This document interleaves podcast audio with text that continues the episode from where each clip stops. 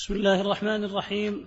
الحمد لله رب العالمين وصلى الله وسلم وبارك على نبينا محمد وعلى آله وصحبه أجمعين. قال الشيخ محمد الصالح بن عثيمين رحمه الله تعالى أقسام الكلام ينقسم الكلام باعتبار إمكان وصفه بالصدق وعدمه إلى قسمين خبر وإنشاء. فالخبر ما يمكن أن يوصف بالصدق أو الكذب لذاته.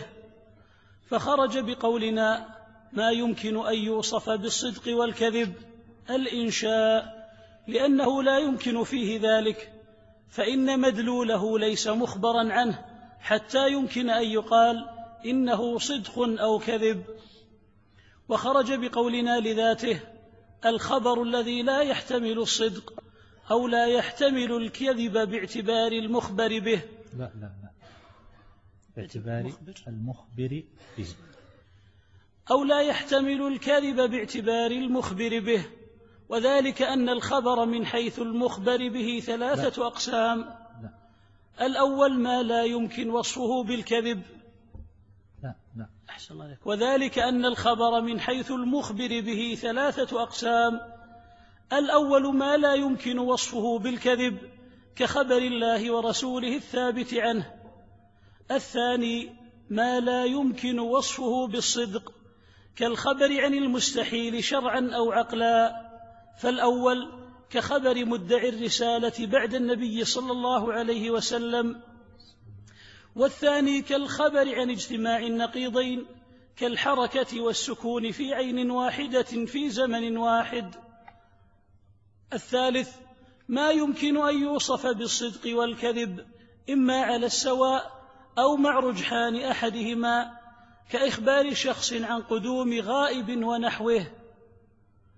الثاني والإنشاء ما لا يمكن أن يوصف بالصدق والكذب ومنه الأمر والنهي كقوله تعالى واعبدوا الله ولا تشركوا به شيئا وقد يكون الكلام خبرا انشاء باعتبارين كصيغ العقود اللفظية مثل بعت وقبلت فإنها باعتبار دلالتها على ما في نفس العاقد خبر وباعتبار ترتب العقد عليها انشاء وقد يأتي الكلام بصورة الخبر والمراد به الإنشاء وبالعكس لفائدة. مثال الأول قوله تعالى والمطلقات يتربصن بأنفسهن ثلاثة قروء. فقوله يتربصن بصورة الخبر والمراد بها الأمر وفائدة ذلك تأكيد فعل المأمور به حتى كأنه أمر واقع يتحدث عنه كصفة من صفات المأمور. ومثال العكس قوله تعالى وقال الذين كفروا للذين آمنوا اتبعوا سبيلنا ولنحمل خطاياكم. فقوله ولنحمل بصورة الأمر والمراد بها الخبر أي ونحن نحمل. وفائدة ذلك تنزيل الشيء المخبر عنه منزلة المفروض الملزم به. نعم. بسم الله الرحمن الرحيم. الحمد لله والصلاة والسلام على رسول الله. أما بعد فالمؤلف رحمه الله يذكر هنا أقسام الكلام. وذكرنا أن الكلام يذكر في أصول الفقه ويتكلم عليه المؤلفون في هذا الفن لأن المصدر الأول أو الدليل الأول في الأصول هو القرآن والدليل الثاني هو السنة كما يرتب عامتهم. والكتاب والسنة خاطبنا الشارع لغة العرب. وهذا كلام اللغة كلام. فهنا يذكر أقسام الكلام. الكلام ينقسم باعتبارات متعددة. فالشيء إذا نظرت إليه من زواياه المتعددة قسمته. نعم. إلى أقسام. فتقول مثلا الكلام ينقسم باعتبار الصدق والكذب آه، عفوا باعتبار احتمال الصدق والكذب إلى كذا وكذا وينقسم باعتبار الحقيقة والمجاز إلى كذا وكذا وينقسم باعتبار الفصاحة والبلاغة إلى كذا وكذا. كما أنك تقول الإنسان ينقسم باعتبار الجنس إلى كذا وكذا. يعني رجل وامرأة. جيد. ذكر وأنثى. وينقسم باعتبار الدين إلى كذا وكذا. وينقسم باعتبار العلم إلى كذا وكذا. وهكذا تقسم الشيء الواحد إلى أقسام متنوعة باعتبارات مختلفة. فهنا في أقسام الكلام باعتبار إمكان وصفه بالصدق وعدمه. ينقسم إلى خبر وإنشاء. ثم عرف الخبر. قال ما يمكن أن يوصف بالصدق أو الكذب لذاته لذاته. وهذه الزيادة لذاته يذكرها من عرفه بهذا التعريف من أجل الخروج من اعتراض وإشكال. فإن العلماء لهم كلام كثير في تعريف الخبر. ما هو الخبر؟ واعتراضات. وكل تعريف عندهم معترض. بعضهم يذكر في الكتاب الواحد أكثر من عشرة تعاريف وكل هذه التعاريف معترضة. فهنا هذا من أشهر التعاريف أن الخبر محتمل الصدق والكذب. طيب يرد على هذا إشكال وهو أن كلام الله وكلام النبي صلى الله عليه وسلم لا يحتمل الصدق لا, لا يحتمل الكذب. هو الصدق حق ثابت. فكيف قيل ما يحتمل الصدق والكذب؟ قالوا لا. نقول لذاته يعني بغض النظر عن قائله عن المتكلم به. نحن نتكلم عن الخبر من حيث هو بصرف النظر عن المتكلم. فإذا كان هذا من كلام الله أو كلام الرسول صلى الله عليه وسلم فهو صدق لا يحتمل الكذب. لأن المتكلم به لا يتطرق إليه الكذب. لهذا الاعتبار. ولهذا قالوا لذاته أي من حيث هو. بصرف النظر عن القائل. ليخرجوا من إشكال واعتراض يورد على هذا التعريف. جيد؟ على كل حال يقول فخرج بدأ يذكر ما يسمى بمحترزات التعريف. لماذا قلنا كذا؟ ولماذا قلنا كذا؟ ما فائدة هذه الجملة؟ قال فخرج بقولنا ما يمكن أن يوصف بالصدق والكذب الإنشاء لأنه لا يمكن فيه ذلك فإن مدلوله ليس مخبرا عنه حتى يمكن أن يقال إنه صدق أو كذب. يعني ال ال الإنشاء مثل حينما الأمر والنهي. تقول أحضر كتابك. هل يمكن أن يوصف توصف هذه الجملة يقال إنها صدق أو كذب؟ ها؟ هل هذه مثل جاء زيد؟ جاء زيد هذا خبر. يمكن يكون صدق ويمكن يكون كذب. تقول نجح صالح. قد يكون هذا صدق وقد يكون كذب. خبر. لكن حينما تقول قدم صالح عفوا. حينما تقول آه، آه، يا صالح تدعوه. هل هذا يحتمل الصدق أو الكذب؟ الندى أو الأمر. تقول اشرب. هل هذا يتطرق إليه الصدق والكذب؟ لا. حينما تقول له لا تشرب. هذا كله إنشاء. فالإنشاء هذا ضابطه. سواء كان إنشاء طلبيا يعني المتكلم يطلب شيئا مثل الأمر والنهي افعل لا تفعل. أو النداء تقول يا زيد يطلب زيد يا زيد. أو أنه يتمنى ألا ليت الشباب يعود يوما. فيتمنى حصوله. هذا يسمونه الإنشاء الطلبي. نعم. فهذا لا يتطرق إليه الصدق أو الكذب. وهكذا الإنشاء الخبري. نعم ليس طلبيا وإنما هو خبري آه، عفوا يسمونه الإنشاء الخبري مثل القسم. نعم فمثل هذا آه، ليس من مما يدخله الصدق والكذب القسم نفس القسم. كذلك مثل التعجب والمدح والذم بنعمة وبئس صيغ هذه. نعم. كذلك صيغ العقود. لو أن الإنسان قال بعت والثاني قال اشتريت أو قال أنكحتك موليتي والثاني قال قبلت هل يقال هذا الكلام صدق وكذب ولا خلاص؟ بينهم صفقة الآن. سيارة. فقال لبعتك هذه السيارة بمئة ألف. الثاني قال اشتريت. الصيغة الآن خبرية لكنها بمعنى الإنشاء. يعتبر هذا إنشاء صيغ العقود. وإن كانت الصيغة خبر. فهذا يقع بمقتضاه ما تضمنه من بيع أو إجارة أو نكاح أو عتق أو نحو هذا. حينما يقول آه، آه، يعني غلامي فلان يعني المملوك الرقيق. حر. الصيغة خبرية ولكن هذا من قبيل الإنشاء يعتبر. هنا هل نقول هذا صدق أو كذب؟ ولا يعتق؟ يعتق مباشرة.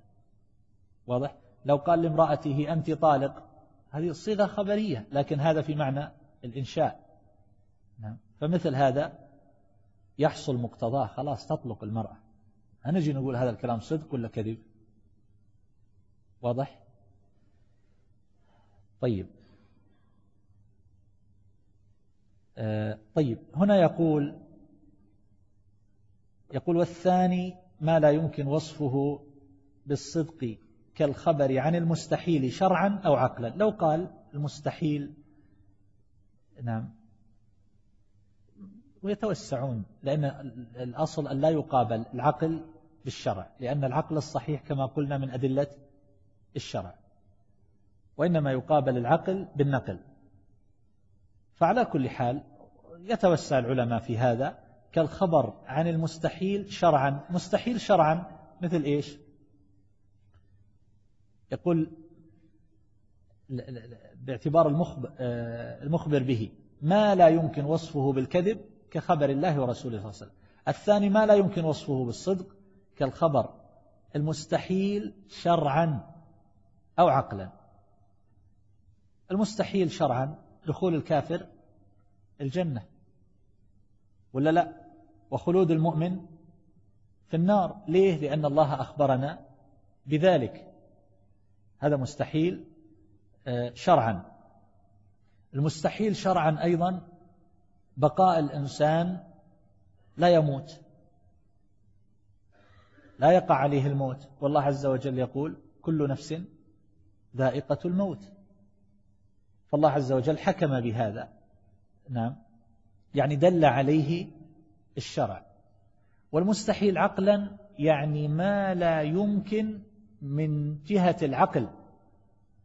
هل يمكن للإنسان في وقت واحد هذا اللي عبر عنه بالعين نعم.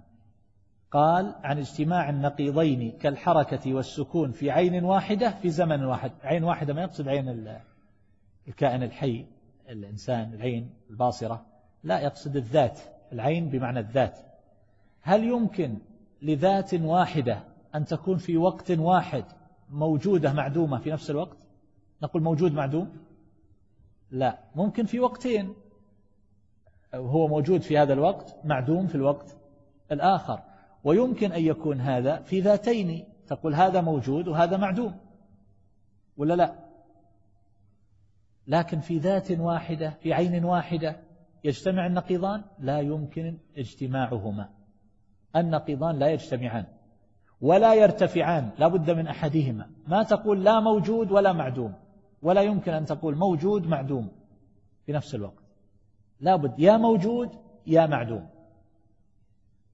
هذا آه، من المحالات العقلية. مستحيل عقلا. فهذا هذا كذب قطعا.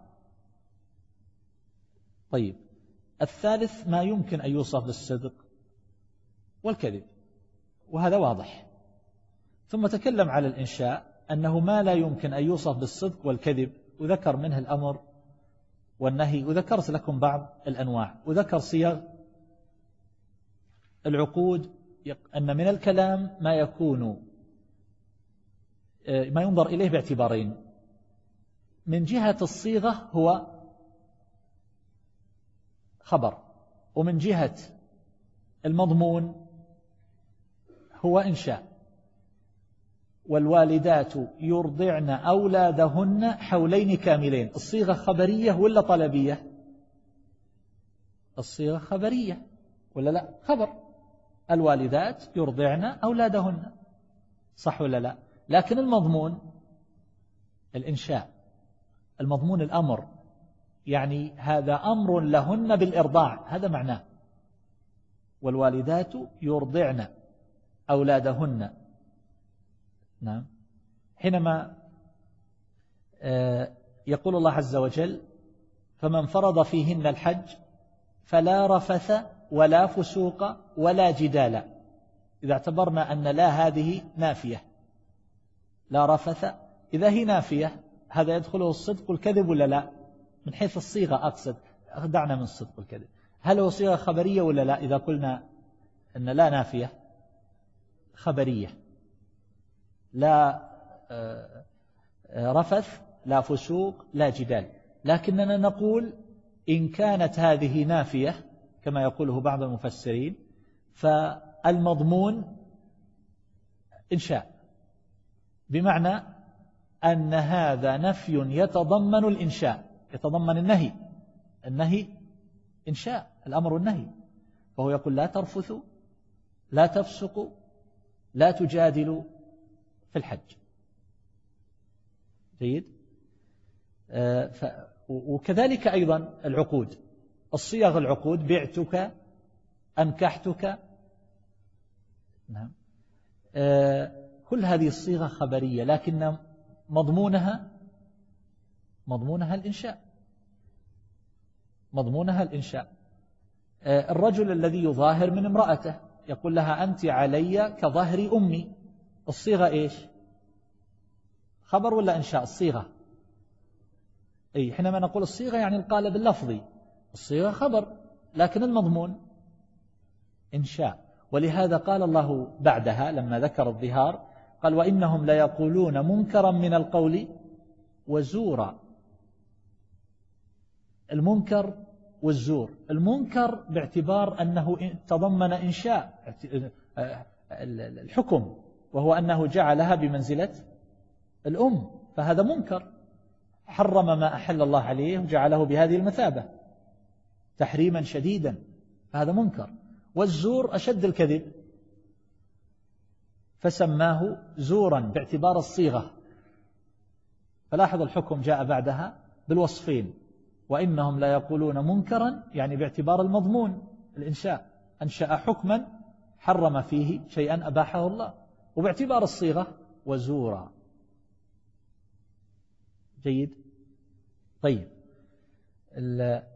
يقول وقد يأتي الكلام بصورة الخبر إلى آخره وعكسه. عكسه يعني يأتي بصيغة إنشائية والمقصود به الخبر. وجاء بمثال وقال الذين كفروا للذين آمنوا اتبعوا سبيل ولنحمل. اللام هذه لام الأمر. ولكنهم قصدوا بذلك الخبر. ما يقصدون يأمرون أنفسهم بهذا. طيب هذا الخبر والإنشاء. تفضل معنا الحقيقة والمجاز وينقسم الكلام من حيث الاستعمال إلى حقيقة ومجاز. فالحقيقة هي اللفظ المستعمل فيما وضع له مثل أسد للحيوان, للحيوان المفترس. فخرج بقولنا المستعمل المهمل فلا يسمى حقيقة ولا مجازا. أي نعم. حينما يقال ديز مقلوب زيد هذا لا حقيقة ولا ولا مجاز. وأسد إذا استعمل في الحيوان المفترس الذي له مخالب وأنياب معروف فهو حقيقة. وإذا استعمل في الرجل الشجاع فهو مجاز. هذا عند القائلين بالمجاز. وأهل السنة مختلفون في إثبات المجاز. منهم من ينفيه في اللغة أصلا فضلا عن القرآن لا في اللغة ولا في القرآن. وهذه حقيقة. والسياق هو الذي يبين ويحدد المراد. والعرب لم ت... ما ليس عندنا ما يثبت أنهم وضعوا هذا لأن أهل المجاز يقولون بأن الحقيقة هي استعمال اللفظ فيما وضع له أولا. يقولون لفظة أسد وضعت أولا لإيش؟ للحيوان المفترس. والمجاز هو استعماله فيما وضع له آه، استعماله في معنى لم يوضع له. جيد؟ آه، بقرينة. نقول من قال لكم من هذا الاستعمال اللي وضع له أولا وهذا الاستعمال الذي نقل إليه استعمال الثاني. أين ما يثبت هذا؟ هذا عند المانعين من وجوده في اللغة. يقولون ما عندنا دليل على هذا وهذا المجاز ما وجد إلا في المئة الرابعة على يد المعتزلة وقبل ذلك لم يكن معروفا. وبناء عليه نقول كل ذلك حقيقة والقرينة هي التي تحدد. قرينة هي التي تحدد. فحينما نقول لك مثلا جرى النهر ماذا تفهم منه؟ ماذا تفهم؟ أجيبوا جرى النهر. ما الذي جرى؟ كيف؟ الماء الذي في النهر صح ولا لا؟ وحينما تقول حفرت النهر ما الذي حفرته؟ الماء؟ ما الذي حفرته؟ المجرى ولا لا؟ طيب قبل قليل قلتم الماء والآن قلتم المجرى. ما هو النهر في الوضع الأول وفي الوضع الثاني في لغة العرب؟ هل هو الماء؟ ما أبغى في المثال. في لغة العرب هل ما هي الحقيقة؟ هل النهر هو المجرى الخندق الشق اللي في الأرض؟ ولا الماء الذي يجري فيه؟ وين الوضع الأول في لغة العرب؟ الحقيقة. المجرى؟ الماء؟ تحيرتم؟ نعم. إيش؟ المجرى المجرى. والمهر النهر نفس الماء. وأيهما الحقيقة؟ المجرى؟ الماء؟ تستطيع تقف عند هذا؟ ما تستطيع. أريد أن تثبت أن هذا هو الاستعمال الأول. تستطيع؟ ولا ما تستطيع؟ ما تستطيع لأنه هذه دعوة بلا دليل. من يستطيع؟ ما في ولا واحد يستطيع. ما أحد يستطيع. تقول جرى النهر القرينة هي التي تحدد يعني الماء. وتقول حفرت النهر بمعنى الشق في الأرض الذي يجري فيه الماء. وين الحقيقة؟ فالقرينة هي اللي تبين. إذا قلت جرى معناها الماء. تقول مثلا جرى الميزاب. تعرفون الميزاب؟ جرى الميزاب. ما الذي جرى؟ انصهر من الشمس الأنبوب اللي يخرج منه المطر. انصهر وجرى سائل بلاستيك. هذا المقصود؟ ولا الماء هو اللي جرى؟ الماء. وحينما تقول أصلحت الميزاب ما الذي أصلحته؟ المجرى جيد. وين الحقيقة؟ وين الاستعمال الأول؟ وين الاستعمال الثاني؟ هكذا يقولون. يقولون ما فيه. فالقرينة هي التي تحدد هذا الذي يقوله شيخ الإسلام تيمية وابن القيم. وقبلهم أيضا بعض أهل العلم الذين أنكروا وهذا أيضا يقول به الشيخ محمد الأمين الشنقيطي رحمه الله. آه، وبعضهم يقول هو موجود في اللغة لكنه غير موجود في القرآن. ويقولون ما كل ما وجد في اللغة وجد في القرآن. هكذا يقولون. فيقولون غير موجود في القرآن. ليه غير موجود؟ حتى إن بعض أهل العلم يقول حتى المشترك آه، ما هو موجود في القرآن. أو عفوا حتى المترادف. ليه يقولون مترادف؟ آه، يقولون لأن هذا نوع من التوسع يحتاج إليه المخلوق. في الكلام ما وجد لفظة يجد لفظة ثانية وكذا أما الله عز وجل فلا يحتاج إلى هذا. هكذا بعضهم يقولون. ومسألة الحقيقة والمجاز يقولون هذا نوع من التوسع في الكلام. آه، يجمع القائلون بالمجاز بأن المجاز يجوز نفيه ونفيه تكذيبه. تقول له والله رأيت أسدا يقاتل يقول لك لا اسمح لي يا أخي ما هو بأسد؟ هذا حيوان هذا رجل شجاع. مو بحيوان مفترس. فيقولون يجوز نفيه فإذا جاز نفيه فهذا تكذيب. ولا يوجد في القرآن شيء يجوز تكذيبه. كيف؟ فنقول أنه موجود في اللغة وغير موجود في القرآن. هكذا قال بعضهم. واضح؟ وبعضهم قال موجود في اللغة وموجود في القرآن. ولكن لا وجود له في نصوص الصفات والمعاد وهذه حقائق وأمور غيبية يتبع فيها النقل.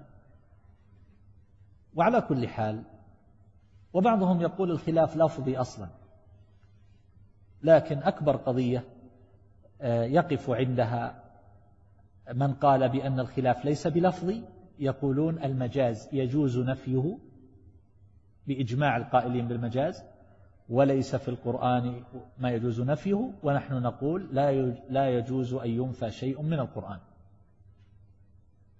على كل حال من أثبت المجاز ولم يجريه في تحريف النصوص نصوص الصفات أو نصوص المعاد أو نحو هذا فلا ضير عليه.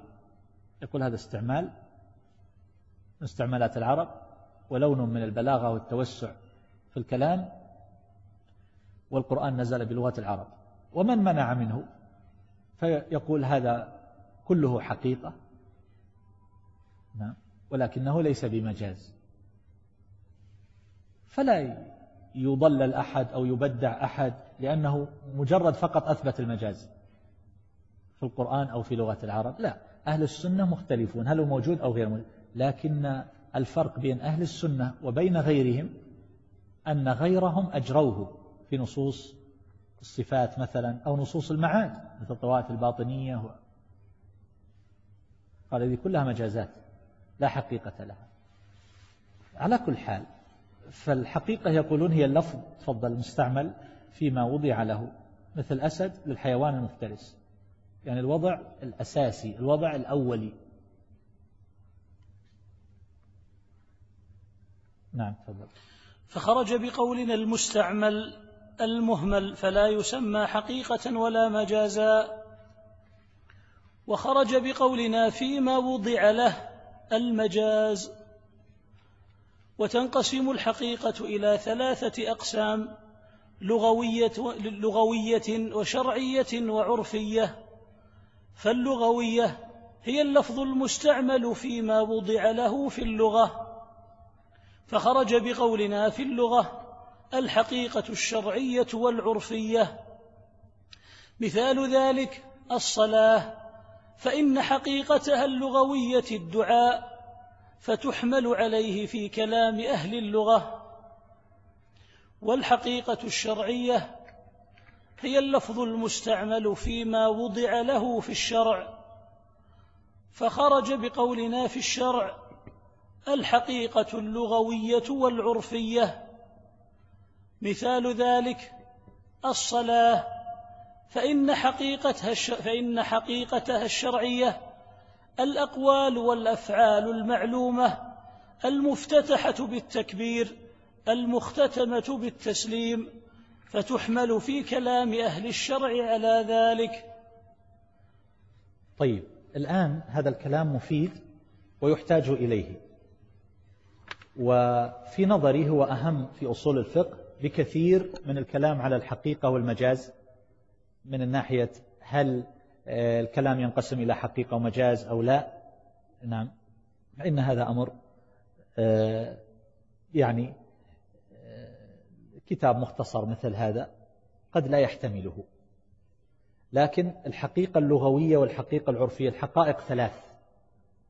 والشيء قد يكون حقيقة باعتبار ويكون مجازا باعتبار إذا سلمنا الآن بالتعبير بالمجاز إذا سلمنا.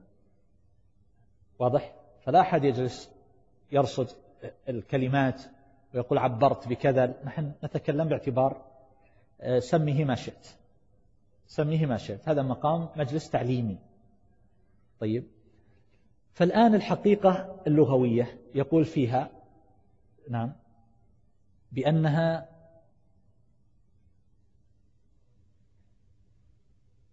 المعنى معنى اللفظة في كلام العرب عند العرب. بماذا استعملوها؟ فالآن لو جينا لفظة صلاة خلونا نطبقها. ولفظة زكاة ولفظة صيام ولفظة حج أركان الإسلام. خلونا نطبقها على الحقائق هذه. نبدأ بكلمة حج. الحج في اللغة الحقيقة اللغوية للحج. الحج يساوي القصد هذه الحقيقة اللغوية.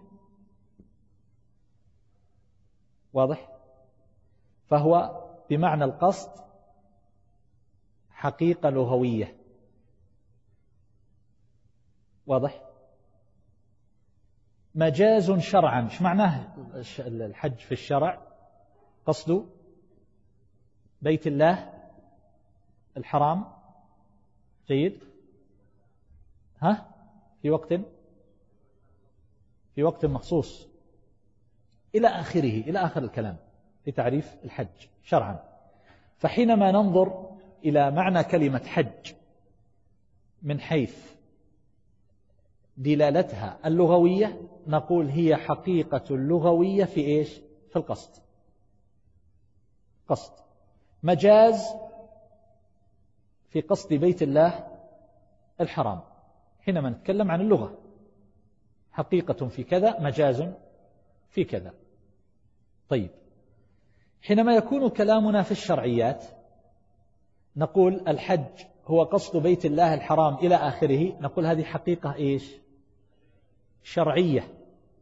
واستعماله بمعنى القصد نقول مجاز. لاحظ يعني حنا عندنا معنى نضعه تحت المجهر وعندنا معنى آخر نضعه في الظل.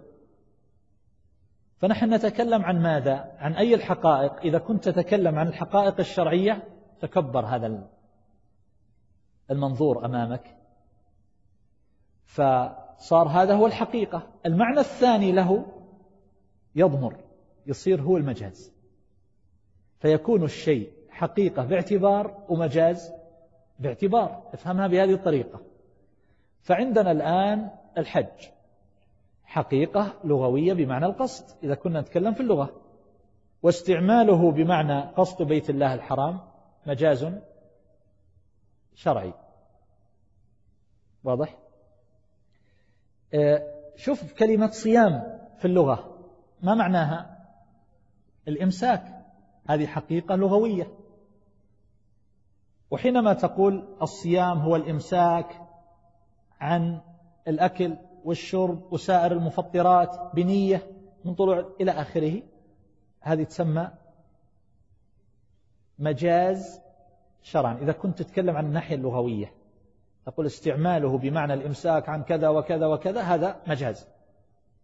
واضح؟ وحينما تتحدث عن الحقيقة الشرعية أنت تتكلم عن معنى شرعي. تقول لك الصيام هو الإمساك إلى آخره نقول هذه حقيقة شرعية. واستعماله بمعنى الإمساك؟ مجاز. لاحظتم كيف؟ إحنا نقول القرائن هي اللي تحدد ولا لا؟ ما اتفقنا على هذا؟ القرينة هي التي تحدد. والشيء يكون باعتبار حقيقة وباعتبار مجاز حسب الاستعمال والسياق والمقام. وكل متكلم كل قائل يحمل كلامه على معهوده. هذه قضية لابد أن نعرفها. فكلام الشارع انتبهوا جيدا كلام الشارع محمول على إيش؟ انتبهوا كلام الشارع محمول على الشرعيات. ما نجي نفسر بالأشياء اللغوية. وكلام كل صاحب عرف إما عرف عام أو عرف خاص واحد نحوي يتكلم في النحو. نحمل كلامه على على المعنى اللي في عند النحاة واحد أصولي نحمل كلامه على المعنى عند الأصوليين. الآن آه، ما معنى السنة مثلا عند الفقهاء؟ يقولون مثلا ما أمر به الشارع أمرا غير جازم أو ما يثاب فاعله ولا يعاقب آه، عفوا ما يثاب فاعله ولا يعاقب تاركه. زين؟ وعند الأصوليين ما أمر به الشارع أمرا غير جازم. واضح؟ وعند المحدثين ما أضيف إلى النبي صلى الله عليه وسلم من قول أو فعل أو تقرير أو وصف. ولا لا؟ لاحظتم؟ يعني يدخل فيه كل ما أضيف إليه حتى الواجبات. ما يجي واحد يمسك القلم ويقعد يعلق. قلت هذا غلط بين. فالسنة هي ما يثاب فاعله وهو الأخ كاريها في كتاب الفقه ويحسب أن هذا هو معناه. لا يا أخي أنت تتكلم تقرأ المن تقرأ المحدث واحد من أهل الحديث ولا تقرأ الأصولي ولا تقرأ لواحد لغوي يقول لك السنة هي الطريقة والسيرة سواء كانت محمودة أو مذمومة. تقرأ الإنسان لغوي. ما تقول له لا هذا غلط. قلت والصواب عندي. جيد. ويأتي بمثل هذا التعليقات اللي ما لها داعي. قد رأيت هذا على بعض كتبي. أعير بعض الإخوان أحيانا. وأفاجأ بتعليقات من هذا القبيل للأسف. نعم. هذا كتاب غيره ويعلق غلط بعد. جيد. فالمقصود أن كل يعني صاحب فن يحمل كلامه على فنه. هذا يسمى العرف الخاص وفي عرف عام. العرف الخاص قد يكون لقبيلة قد يكون لأهل علم قد معين قد يكون لأهل بلد. فلا بد من معرفة عرف الناس ولهذا يقول القاضي إذا عين في بلد لا يجوز له أن يحكم حتى يعرف عرفهم. إذا استعملوا الألفاظ ماذا يقصدون بها؟ قد تكون هذه اللفظة من قبيل القذف في بلد. ومن قبيل المدح في بلد آخر. فالقاضي جاي من بلد تعتبر فيه مدح. وجاء البلد هي من قبيل القذف. يوم قال هذا يقول لي كذا. قال أحمد ربك. هو يثني عليك. لا. جيد. فالشاهد إن عندنا اذا حقيقة لغوية حقيقة شرعية. كلام الشارع محمول على الشرعيات. هذا من تأسيس طالب العلم. لابد يعرف هذه الأشياء. آه، كل متكلم يحمل كلامه على عرفه. هذه قاعدة عامة. كل متكلم. فالشارع على الشرعيات صاحب العرف المعين أو العام على عرفه. اللغة كلام أهل اللغة. حينما نرتب نريد أن نفسر كلام المتكلمين فماذا نصنع؟ نقول دائما بالنسبة لكلام الشارع وهو الذي يهمنا هنا الآن نتكلم عن نصوص الشارع نقول نصوص الشارع وكلام الشارع يحمل أول ما يحمل على المعنى الشرعي. فإذا جاء الشارع وقال لنا ولله على الناس حج البيت نقول الحج المعروف. حينما يقول كتب عليكم الصيام نقول هو الصيام المعروف الإمساك عن المفطرات إلى آخره. حينما يقول أقيموا الصلاة ما نأتي ونفسر الصلاة بأنها الدعاء. هذا معناها اللغوي. نحملها على الأقوال والأفعال المفتتحة بالتكبير إلى آخره. هذه هي الصلاة نحملها على المعنى الشرعي. فإن لم يوجد للشارع معنى فيه ما يوجد معنى؟ نحمله على المعنى الإيش؟ لا المعنى العرفي. نحمله على المعنى العرفي. الآن في زكاة الفطر ماذا قال الصحابي؟ قال صاعا من إيش؟ أو النبي صلى الله عليه وسلم من طعام. جيد. ما هو الطعام في عرف المخاطبين آنذاك؟ كل ما يطعم هذا في اللغة طعام. حتى الماء يقال له طعام. شو الدليل على أن الماء يقال له طعام؟ ومن ومن لم يطعمه؟ إن الله مبتليكم بنهر. قال ومن لم يطعمه فإنه مني. صاع من طعام؟ قال ما يخالف هذا واحد الرجال يبغى يفسر يقول حنا عرب نفسر الكلام بلغة العرب. صاعا من طعام أول ما نحمله كما سمعت من بعضهم يقول أول ما نحمل على المعنى اللغوي لأننا عرب. هذا رجل يتحدث. ويسجل كلامه وينشر. يقول أول ما نحمل على كلام العرب. كيف الحلال نحمل على المعنى الشرعي. هذه من المبادئ التي يتعلمها طلاب العلم في أول الأمر. قال لا نحن عرب. نحمل على المعنى صاعا من طعام إذن ممكن لو أعطى صاع من موية زكاة الفطر ما في إشكال. طعام في اللغة ومن لم يطعمه فإنه مني. نقول له لا نحمل على المعنى الشرعي. هل للطعام معنى في الشرع؟ جاوبوا في الشرع. ها؟ وش المعنى الشرعي؟ طعام. طعام معنى كلمة طعام في الشرع. ليس لها معنى. ما فيه كلمة طعام هذه لا يوجد هنا لها معنى. الشرع طيب نجي للعرف بالترتيب. ما معنى الطعام في العرف؟ عرف من؟ ما هو عرفنا نحن؟ عرف المخاطبين. لا يجوز حمل ألفاظ القرآن والسنة على عرف حادث. هذه قاعدة. يعني حادث يعني بعد الصحابة وجد هذا الاصطلاح أو هذا المعنى. لازم نحمل على عرفهم. فهنا نقول هل يوجد معنى عرفي للطعام عندهم؟ نقول نعم. الطعام يوجد له معنى عرفي وهو ما يكون قوتا لأهل البلد. تمر بر شعير نحو هذا. فإذا نمسك هذه نقول له هذا المطلوب أجل. نحمل كلام الشارع على المعنى العرفي. طيب لو ما وجد معنى عرفي خلينا من كلمة طعام جيب مثال ثاني. ما يوجد لعن الله إيش؟ النامصات. النامصات. نجي نشوف بالترتيب.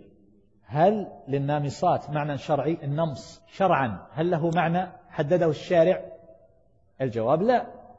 ما في. طيب ننتقل الخطوة الثانية. عرفا. عرف المخاطبين الصحابة. النمص. هل كان له معنى عرفي خاص؟ الجواب لا. ما هو موجود. وين نلجأ آخر شيء؟ للمعنى اللغوي إذا قلنا المعنى اللغوي نرجع للقاموس أو ما قبل القاموس نعم لتهذيب اللغة للأزهري أو لكتب ابن فارس مثل المجمل أو المقاييس في اللغة أو نحو هذا. جي ننظر. إيش معنى كلمة النمص؟ يجي يقول لك والله النون والميم والصاد. نعم.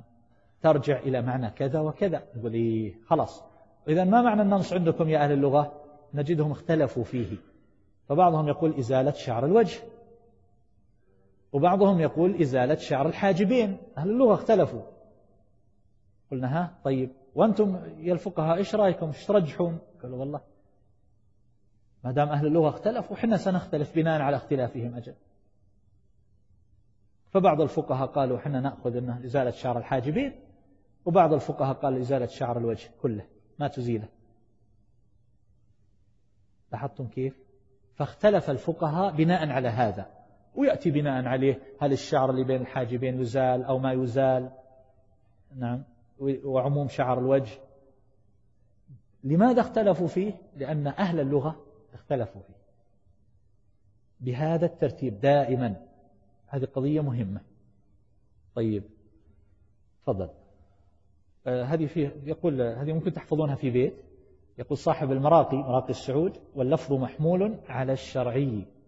إن لم يكن لم يوجد فمطلق العرفي فاللغوي على الجلي يعني على الأرجح بهذا الترتيب. ثلاث مراتب. نعم.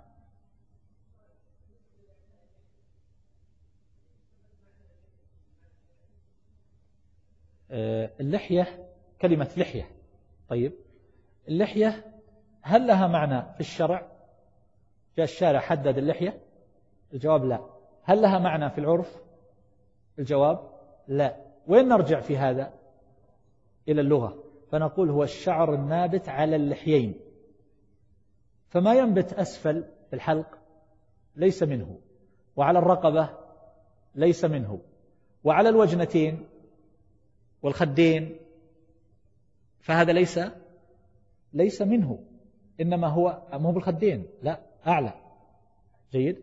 آه إنما على اللحيين على اللحيين. هذا العظم العظم آه، هما عظمان نعم معروفان في أسفل الوجه.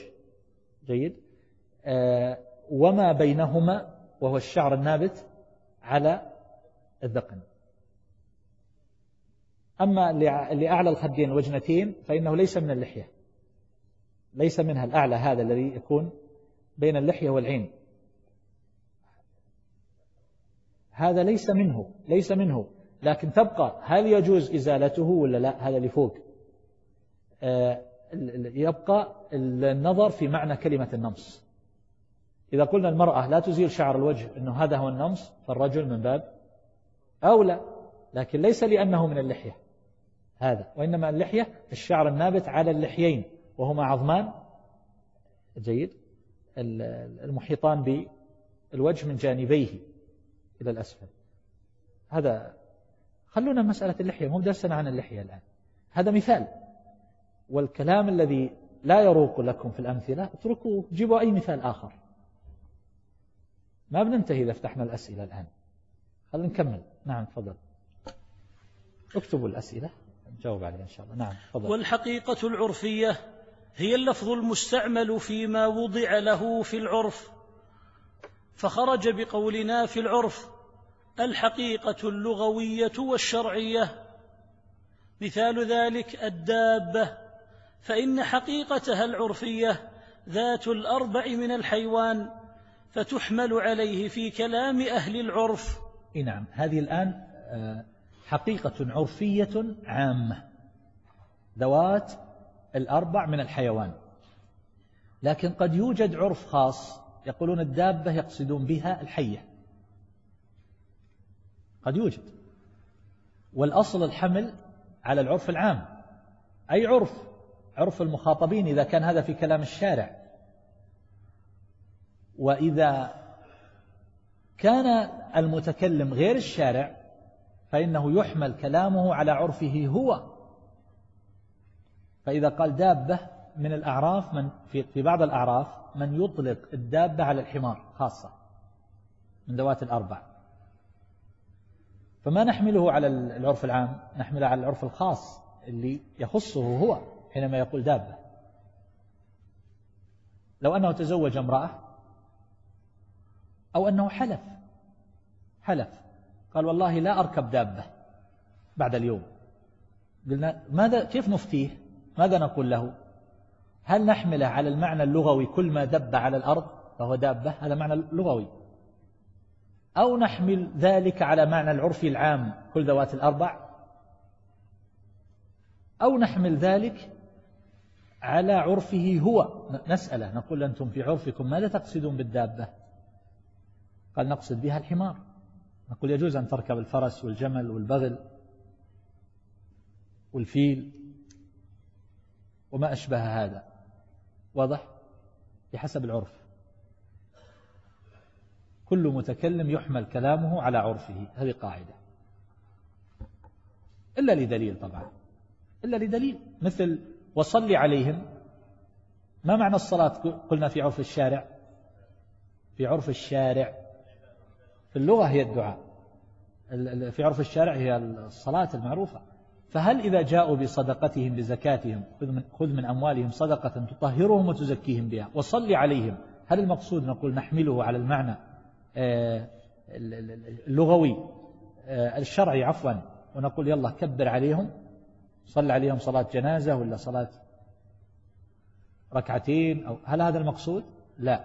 ليه ما حملناه على المعنى الشرعي لدليل النبي صلى الله عليه وسلم حينما كان يؤتى له بالزكاة قال مثلا اللهم صل على آل أبي أوفى. دعا لهم الصلاة بمعنى الدعاء. هنا. تفضل نعم. وفائدة معرفة تقسيم الحقيقة إلى ثلاثة أقسام أن نحمل كل لفظ على معناه الحقيقي في موضع استعماله. فيحمل في استعمال أهل اللغة على الحقيقة اللغوية وفي استعمال الشرع على الحقيقة الشرعية وفي استعمال أهل العرف على الحقيقة العرفية. والمجاز هو اللفظ المستعمل في غير ما وضع له مثل أسد للرجل الشجاع. فخرج بقولنا المستعمل المهمل. فلا يسمى حقيقة ولا مجازا. وخرج بقولنا في غير ما وضع له الحقيقة. ولا يجوز حمل اللفظ على مجازه إلا بدليل صحيح يمنع من إرادة الحقيقة وهو ما يسمى في علم البيان بالقرينة.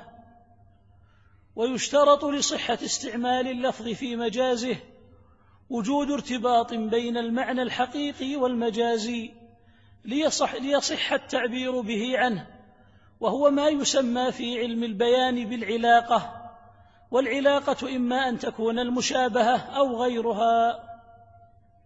هي علاقة ولا علاقة؟ نعم. الله والعلاقة إما أن تكون المشابهة أو غيرها.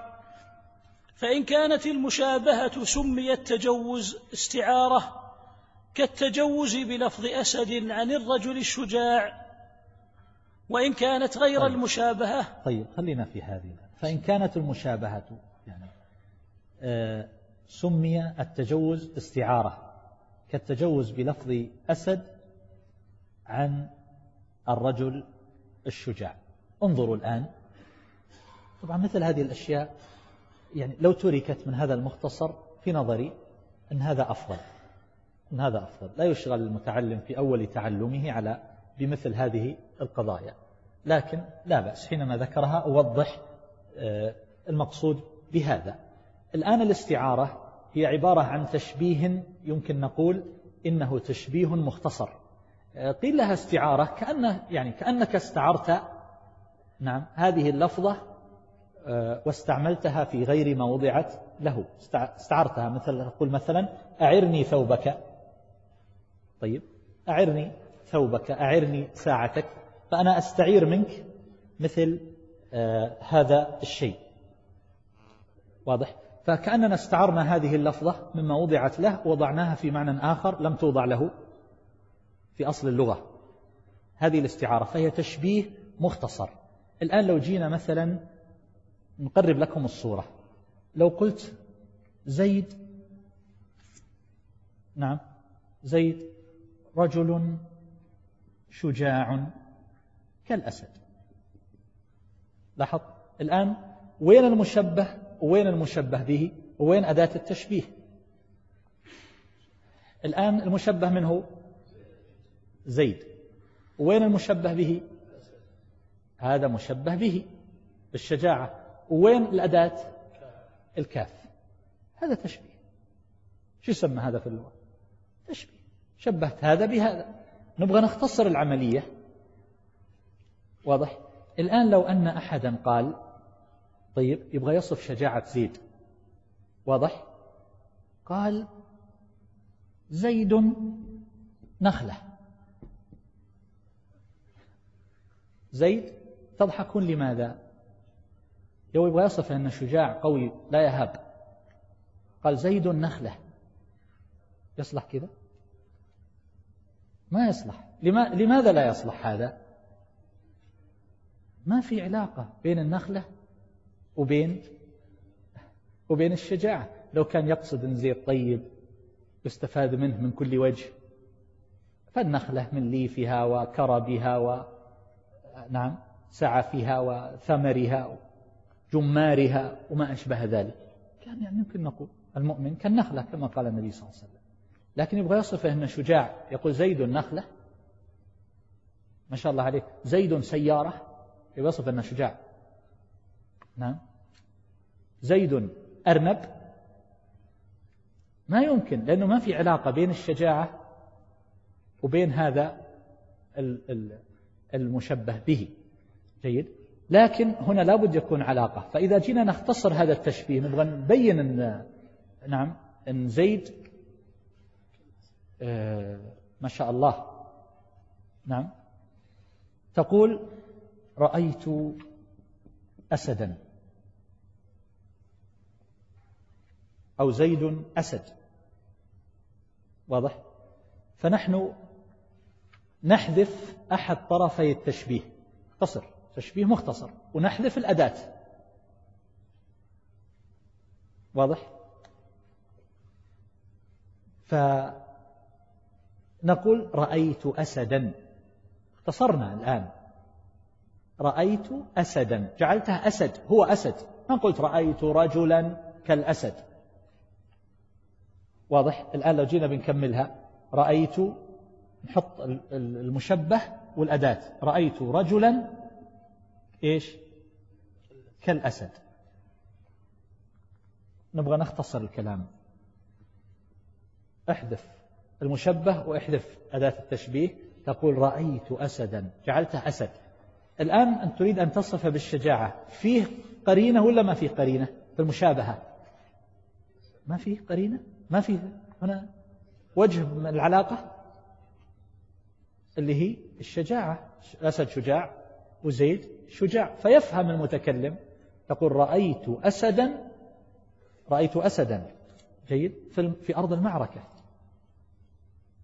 رأيت أسد فاللي يسمع هل يقصد هل يفهم أنه رأيت الحيوان المفترس في أرض المعركة؟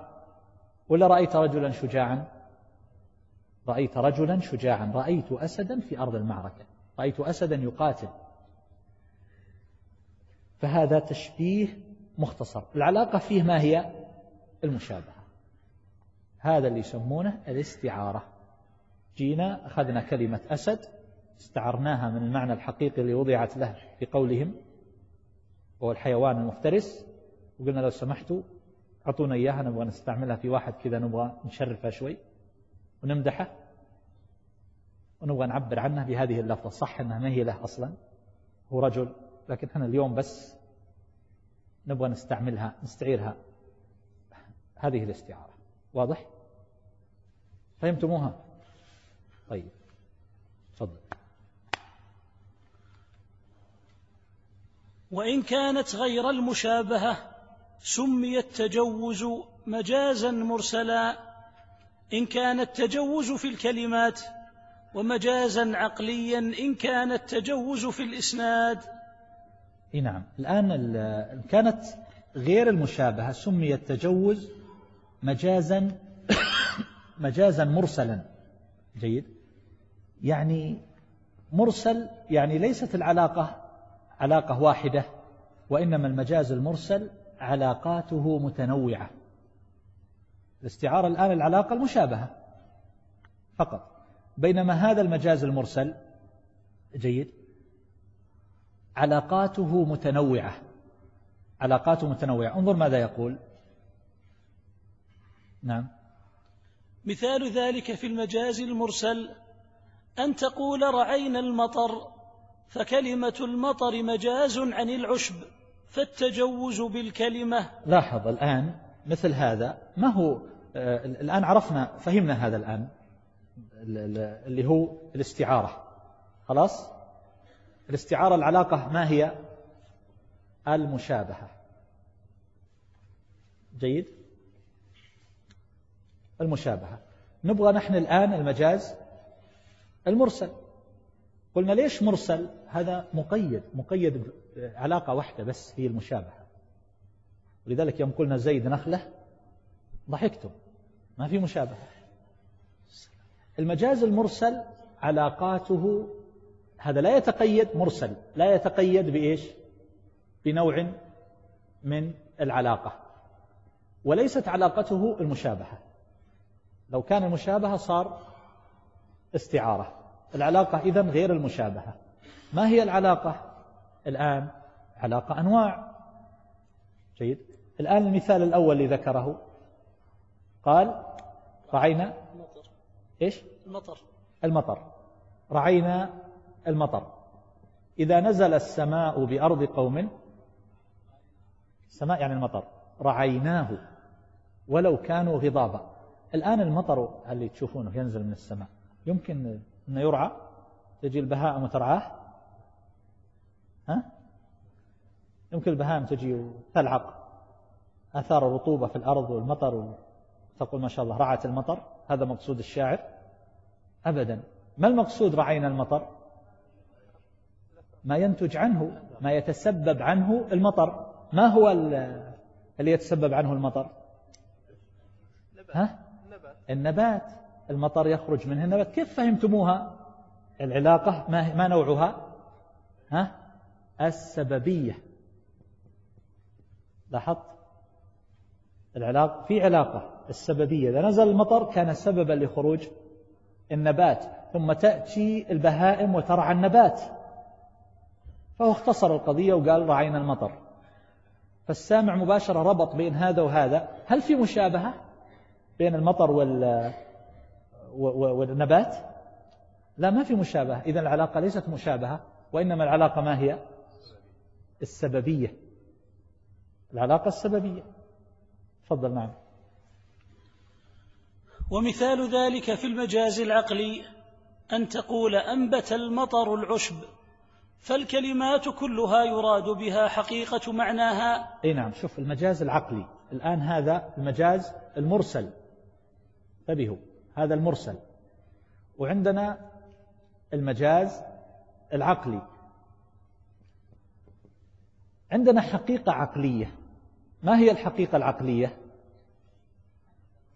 الحقيقة العقلية حينما نقول مثلا جيد حينما نقول أنبت الله أنبت الله العشب. هذه حقيقة عقلية والمقصود بالحقيقة العقلية عندهم إحنا نتكلم بلغة البلاغيين. الحقيقة العقلية عندهم هي ما يتصوره أو يفهمه أو يقر به أو يعقله المخاطب. ثم حقيقة عقلية تقول أنبت الله العشب. هذه حقيقة عقلية. طيب المجاز العقلي مجاز عقلي. ما هو المجاز العقلي؟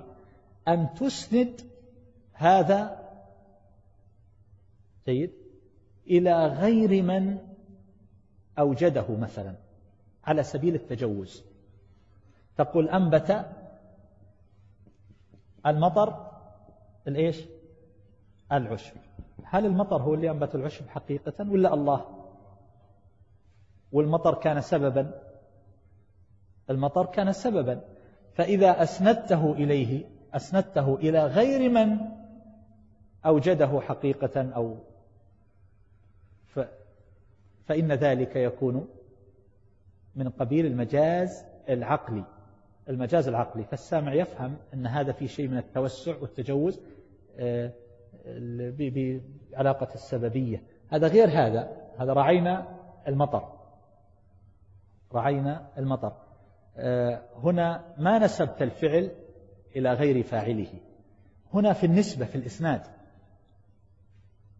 جيد. مثل إيش؟ الآن حينما يقال حينما يقال آه، أحيانا تكون العلاقة الحالية والمحلية كما يقولون. طيب. آه، حينما تقول جرى النهر إذا قلنا بأن الحقيقة أن النهر هو للشق اللي في الأرض لو قلنا هذا وإنه مجاز في الماء الذي يجري فإذا قلنا جرى النهر يقولون هذا مجاز عقلي لأن الشق ما يجري عرفتم؟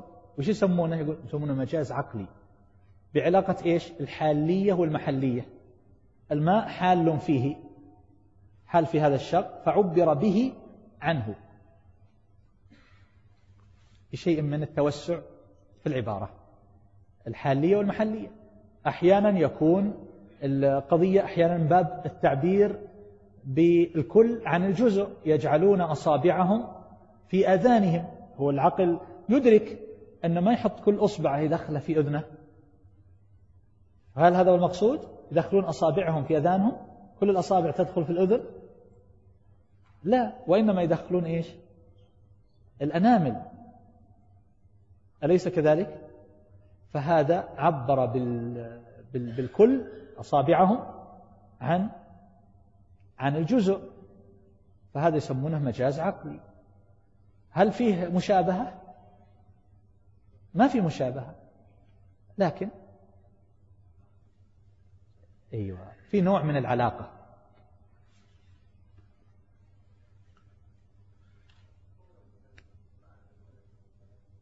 مات الولد. آه، هذا من آه، هذا القبيل. أمات الله من اللي هو ما مات من نفسه لو بيده ما مات. أماته الله. فأماته الله مئة عام ثم بعثه إيه ما في إشكال. جريا على ظاهر اللفظ لأن النحاة يجرون على الألفاظ. على الألفاظ. مات هو. مات هو. عند أهل المجاز؟ الجواب نعم. أن الله هو الذي أماته ما مات هو.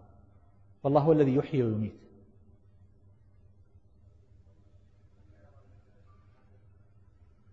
من يرى أنه الحقيقة؟ يقول أن أضاف الموت إليه. نعم. باعتبار أن الموت هو مفارقة الروح للجسد. فمن فارقت روحه جسده جسده فقد مات. بهذا الاعتبار. على كل حال يعني لا تشتغلون بالأمثلة. أي مثال من عندك؟ إذا فهمت الأصل الأمر في هذا واسع. وين العلاقة؟ ها؟ أنواع. يعني مثل الآن واسأل القرية. يقولون هذا مجاز حذف. طيب هل في تشبيه؟ جواب ما في تشبيه. هذا في حذف. اسأل أهل القرية. ليه؟ قالوا لأن القرية ما تسأل. اسأل العير. العير يقولون هي الإبل اللي تحمل الأزواد هذه العير.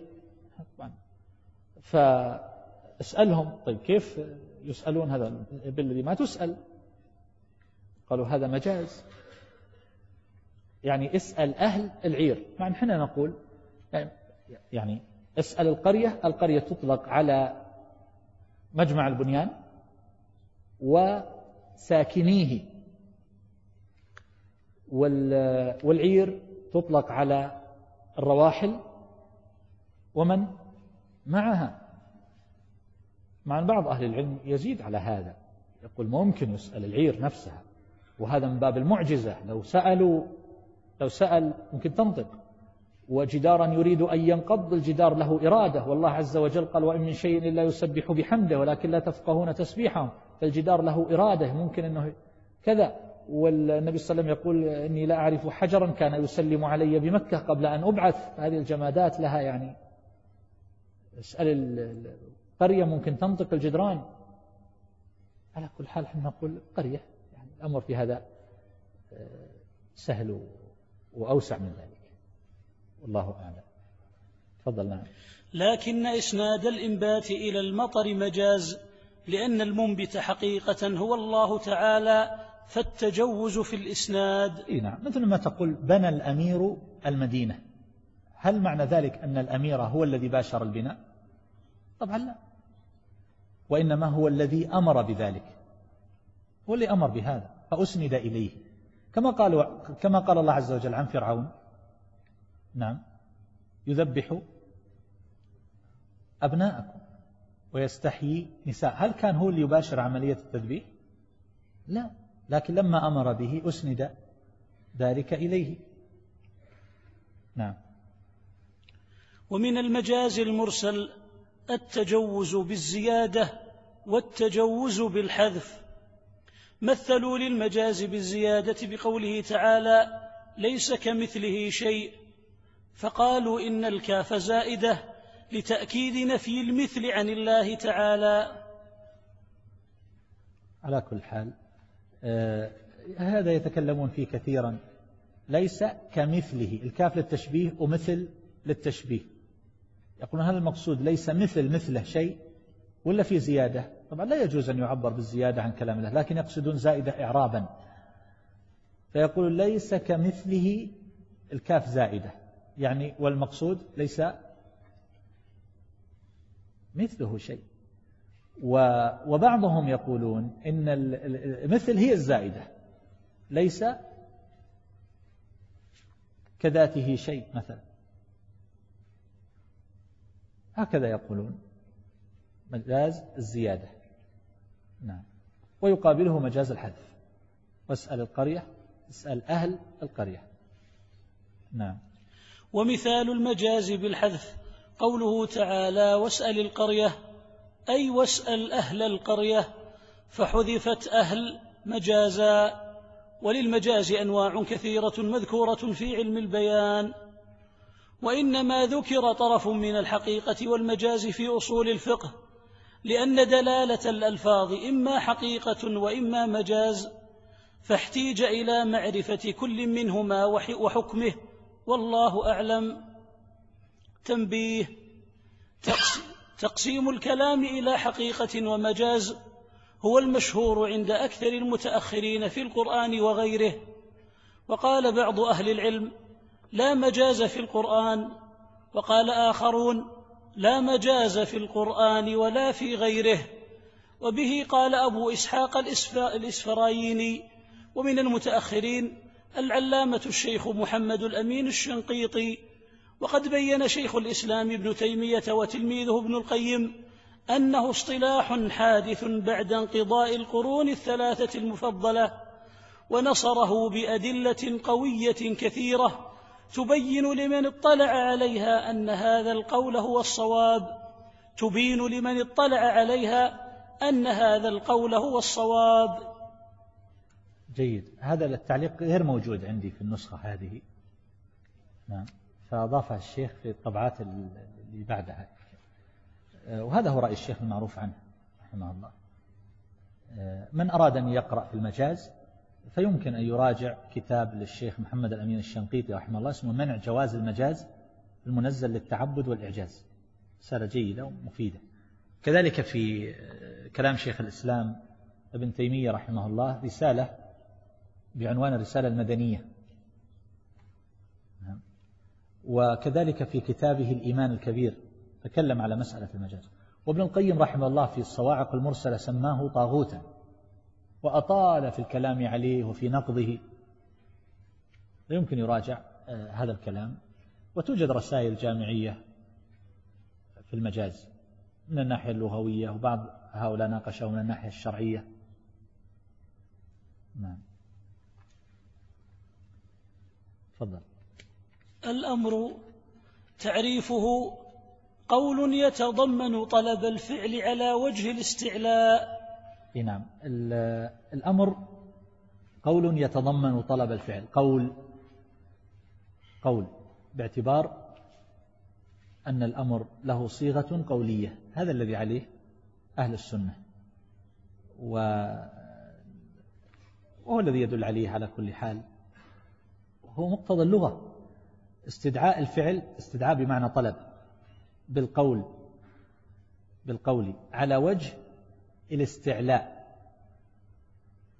هو سيشرح هذا التعريف آه، أو قول يتضمن طلب الفعل على وجه الاستعلاء.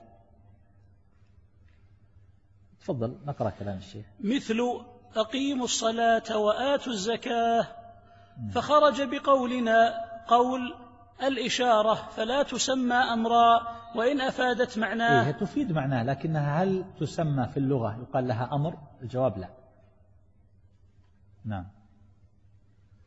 وخرج بقولنا طلب الفعل النهي لأنه طلب ترك والمراد بالفعل الإيجاد فيشمل القول المأمور به. وخرج بقولنا على وجه الاستعلاء الالتماس والدعاء وغيرهما مما يستفاد من صيغة الأمر بالقرائن. نعم هذا وجه الاستعلاء. يعني العلماء يتكلمون آه، عن صيغة آه، عن الأمر. هل يقتضي هل يتطلب هل يلزم فيه العلو والاستعلاء أو لا؟ العلو أن تكون مرتبة الآمر أعلى. والراجح أن هذا لا يلزم ليس بشرط. وش الدليل على أن هذا ليس بشرط؟ فرعون ماذا قال للملأ؟ نعم. قال لهم فماذا؟ فماذا تأمرون؟ فرعون يقول لملئه في شأن موسى صلى الله عليه وسلم نعم وهارون يقول إن هذان إيش؟ ها؟ إيه إن شاء الله. يقول يريد أن يخرجكم من أرضكم فماذا تأمرون؟ مع أنه أعلى منهم مرتبة. فالراجح أنه لا لا يلزم منه العلو. لا يشترط أن يكون مرتبة الآمر أعلى من المأمور. لكن الصيغة هل يشترط أن تكون بصيغة الاستعلاء؟ افعل. الجواب نعم. هذا معنى الاستعلاء يعني الاستعلاء في الصيغة. والعلو المقصود به في المرتبة مرتبة الآمر. فلا يشترط فيه علو وإنما يشترط فيه على وجه الاستعلاء. طيب. يقول يخرج به الالتماس والدعاء وهذه تسمية على كل حال. يعني حينما الإنسان يقول يا رب اغفر لي هذه ماذا هذا هذا في الواقع في المعنى يعتبر إيش؟ أمر لكن تأدبا ماذا يسمى؟ دعاء لما تخاطب من هو في مستواك زميلك إيش يسمى هذا؟ التماس واضح؟ على كل حال تفضل صيغ الأمر صيغ الأمر أربع أولا فعل الأمر مثل أتل ما أوحي إليك من الكتاب. إيه اللي هي صيغة افعل. نعم. ثانيا اسم فعل الأمر مثل حي على الصلاة. إيه نعم. مثل حي يعني آه، بمعنى تعال أقبل. نعم. مثل ما تقول هلم. نعم. تقول له صهن بمعنى أسكت. هذا اسم فعل أمر. نعم. ثالثا المصدر النائب عن فعل الأمر مثل فإذا لقيتم الذين كفروا فضرب الرقاب. إيه ضرب مصدر. ناب عن الفعل فعل الأمر. يعني فاضربوا الرقاب. فضرب الرقاب. فهذا أمر. نعم.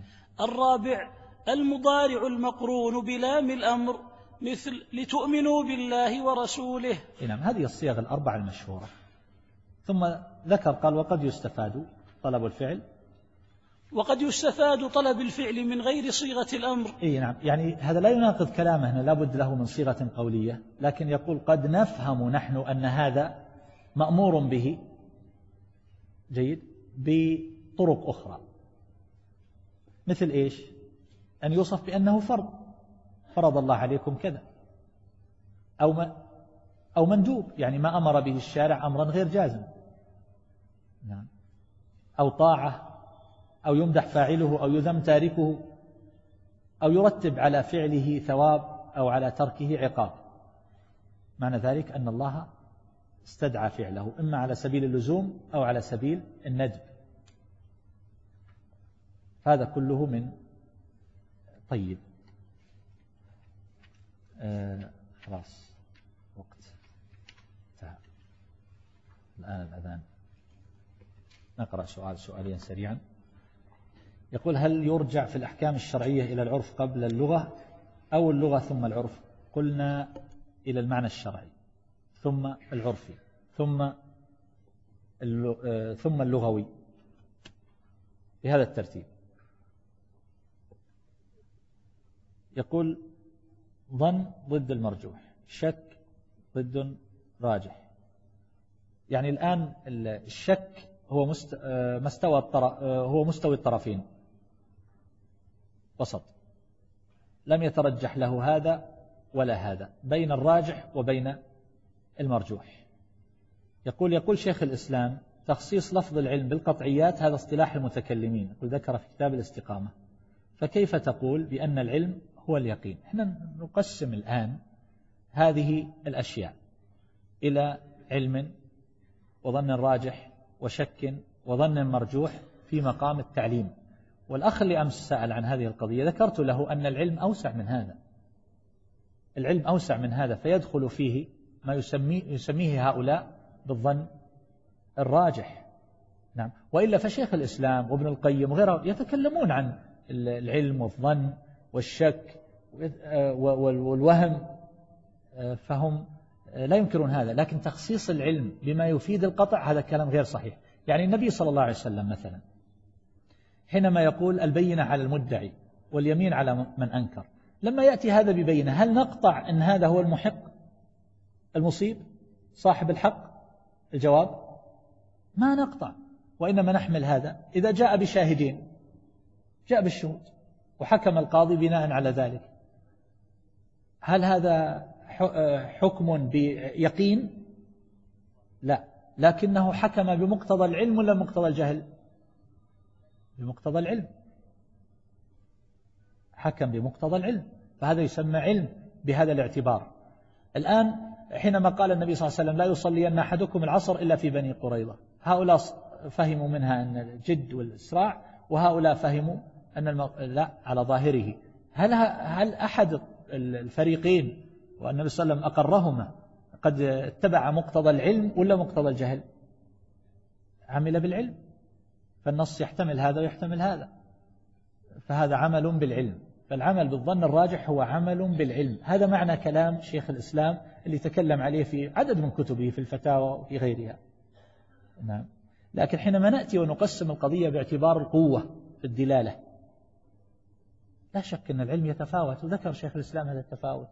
وأنه يتفاوت باعتبارات معطيات مختلفة إما بحسب الناظر فيه وإما ب واضح المقصود إيه؟